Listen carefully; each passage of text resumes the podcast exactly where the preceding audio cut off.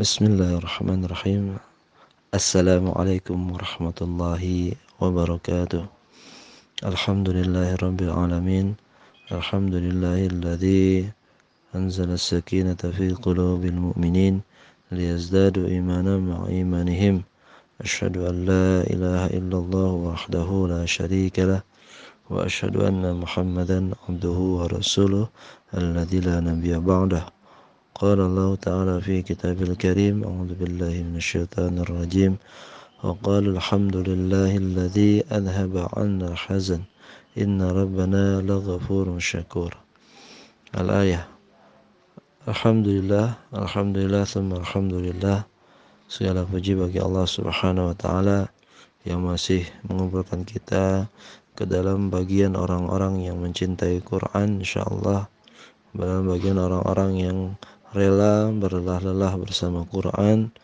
yang rela menjajaki aktivitas bersama Quran, ya, yang menjaga hubungan bersama Quran hingga hubungan ini meningkat dari sekedar teman menjadi hubungan persahabatan. Satu hubungan yang Rasulullah gambarkan fa innahu ya'ti yaumal qiyamah syafi'an. Sungguhnya Al-Quran pada hari kiamat nanti akan menjadi syafaat li ashabi kepada para sahabatnya. Akan menjadi penolong pada para sahabatnya. Al-Quran yang Bapak Ibu baca hari ini Al-Quran yang dengan susah payah Bapak Ibu baca yang dengan susah payah Bapak Ibu hafalkan hari ini itu akan datang di omil akhir pun akan berusaha dengan susah payah untuk menjaga kita dari api neraka. Dalam sebuah hadis digambarkan bahwa ketika nanti di alam kubur ketika tidak ada lagi yang menolong kita ya ketika kita hanya dihadapkan dengan malaikat mungkar nakir maka akan ada sesosok makhluk yang kemudian berada di samping kita sehingga malaikat yang saat itu sedang mengintegrasi interogasi kita bertanya siapa engkau? Lalu makhluk itu mengatakan saya adalah Al-Quran yang dibacanya yang dihafalkannya. Ya yang dengan izin Allah saya akan menjaga si fulan sampai nanti dia akan masuk ke dalam surga. Bapak Ibu bayangkan bagaimana pengorbanan Al-Quran nanti, bagaimana upaya Al-Quran nanti, bagaimana usaha Al-Quran nanti untuk menjaga kita dari dari api neraka, ya. Dan itu hanya diberikan pada sahabat Al-Quran. Siapa sahabat Al-Quran? Sahabat Al-Quran adalah kalau bahasa saya adalah teman dalam suka dan duka. Ya, jadi kalau Bapak Ibu pernah punya teman, pernah punya sahabat, pasti akan berbeda. Ya, kalau sahabat misalkan kalau sudah bertemu itu uh, kalau sahabat itu adalah orang yang kemudian menjaga aib kita, yang kemudian juga menolong kita saat kesusahan, yang bersama kita baik dalam susah dalam senang. Tapi teman itu belum tentu. Mungkin hanya ada dalam kondisi uh, senang. Begitu juga Quran ketika kita ingin menjadi sahabat Quran, ketika kita ingin dibela Al-Quran, maka kita harus menjadi sahabatnya. Dan menjadi sahabat Quran artinya adalah menjadi orang yang kemudian berada bersama Quran baik dalam susah maupun dalam senang. Ya, kalau kita menghafalkan An-Naba, menghafalkan surat-surat yang mudah, lalu kita senang, itu biasa.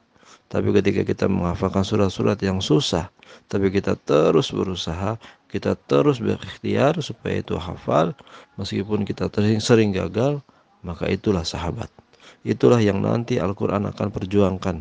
Itulah yang nanti Al-Quran akan menjaga kita di yaumil akhir. Ketika kita sudah merasakan bagaimana nikmatnya, lelahnya bersama Quran.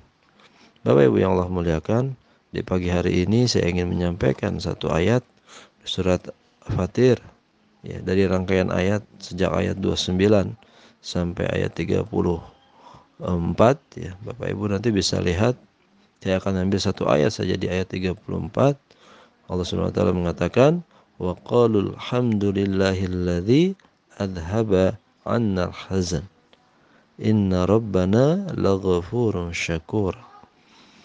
Ayat ini artinya adalah waqalul hamdulillahilladzi dan berkatakanlah mereka alhamdulillah segala puji bagi Allah. Alladzi adhaba yaitu Allah yang telah menghilangkan kami annal hadan ya yang telah menghilangkan duka cita dan uh, kesedihan. Inna rabbana laghafurun syakur. Ya sungguhnya Tuhan kami sungguhnya kami benar-benar Tuhan kami benar-benar Maha Pengampun lagi Maha mensyukuri. Bapak Ibu perhatikan kalimatnya ya kalimatnya adalah ketika Allah mengatakan orang-orang yang uh, nanti akan mengatakan alhamdulillahilladzi azhaba 'annal hazan ini di ayat sebelumnya ayat 33 adalah orang-orang yang masuk ke dalam surga. Jannatu adni yadkhulunaha yuhallawna fiha min asawir min dhahabi wa lu'lu'ah. Orang-orang yang masuk surga Orang-orang yang di dalam surga dia diberikan perhiasan, diberikan cenderamata, diberikan mutiara, gelang-gelang dari emas dan pakaiannya adalah walibasuhum fiha harir dan pakaiannya adalah sutra. Ternyata setelah masuk surga, ya setelah dipakaikan dengan mahkota, sutra, perhiasan dan sebagainya, dia malah mengatakan alhamdulillah ya Allah yang telah menghilangkan segala kesedihan kami. Ya. Bapak bisa bayangkan artinya apa? Masuk surga bagi orang-orang ini adalah tahapan yang paling puncak ya. Yang akhirnya mampu menghilangkan semua semua keluh kesah ketika dia belum masuk surga. Ya. Di ayat yang lain disebutkan uh, wal malaikatu yadkhuluna alaihim min kulli bab salamun alaikum bima sabartum. Keselamatan bagi kalian karena kesabaranmu. Jadi orang-orang yang masuk surga ini digambarkanlah orang-orang yang yang bukan yang bukan orang yang tidak pernah sedih, bukan orang yang tidak pernah lelah, bukan orang yang tidak pernah gagal, tapi orang yang kemudian rasa sedihnya, rasa lelahnya, rasa gagalnya ini kemudian dibangun, dilawan dan kemudian menjadi batu loncatan untuk keberhasilannya. Dan ketika dia masuk surga, ya dengan susah payah dia berjuang di dunia, dan ketika masuk surga nanti dia mengatakan, Alhamdulillahilladzi adhaba al hazan. Terima kasih ya Allah karena kesedihan kami sudah hilang. Sebagian Bapak Ibu sahum ya, sahum dari ibadah subuh sampai maghrib itu terasa capek, terasa haus, lapar, tapi itu semua seketika akan hilang ketika kita minum satu tegukan saja air ketika berbuka. Begitulah nanti ketika orang-orang ini masuk surga. Lalu pertanyaan siapa mereka? Di ayat 32 Allah mengatakan, "Tsumma awrathna al-kitaba alladziina istafaina min ibadina." Siapa yang digambarkan sebagai orang-orang yang mengatakan Terima kasih Allah, segala puji bagi Allah telah menghilangkan kesedihan kami. Kata Allah SWT, mereka adalah Auratna kitab alladzina astafaina. Orang-orang yang telah Allah berikan pada mereka Alkitab, Al-Quran. Yang telah Allah wariskan pada mereka Al-Quran. Bapak Ibu yang Allah muliakan, di sini dari tiga ayat ini Allah ingin menggambarkan pada kita bahwa perjuangan bersama Quran adalah perjuangan. Ya. Dia tidak selalu mudah, tapi pun tidak selalu susah ya karena bukan tugas kita. Itu mudah atau susah? Tugas kita adalah ikhtiar. Tugas kita adalah berusaha. Tugas kita adalah memaksimalkan ikhtiar. Tugas kita adalah memaksimalkan usaha. Karena yang kita butuhkan nanti adalah kesenangan di dalam surga. Karena yang kita butuhkan nanti adalah kebahagiaan bersama para para penghafal Quran. Bersama orang-orang yang dekat dengan Quran Bapak Ibu yang Allah muliakan yang ada di metode tes yang ikut tahfiz online yang ikut murokas yang ikut uh, kulwab ya kulwab tilawah program-program lain SD SMP kita harus pahami bahwa proses bersama Quran memang membutuhkan perjuangan kita.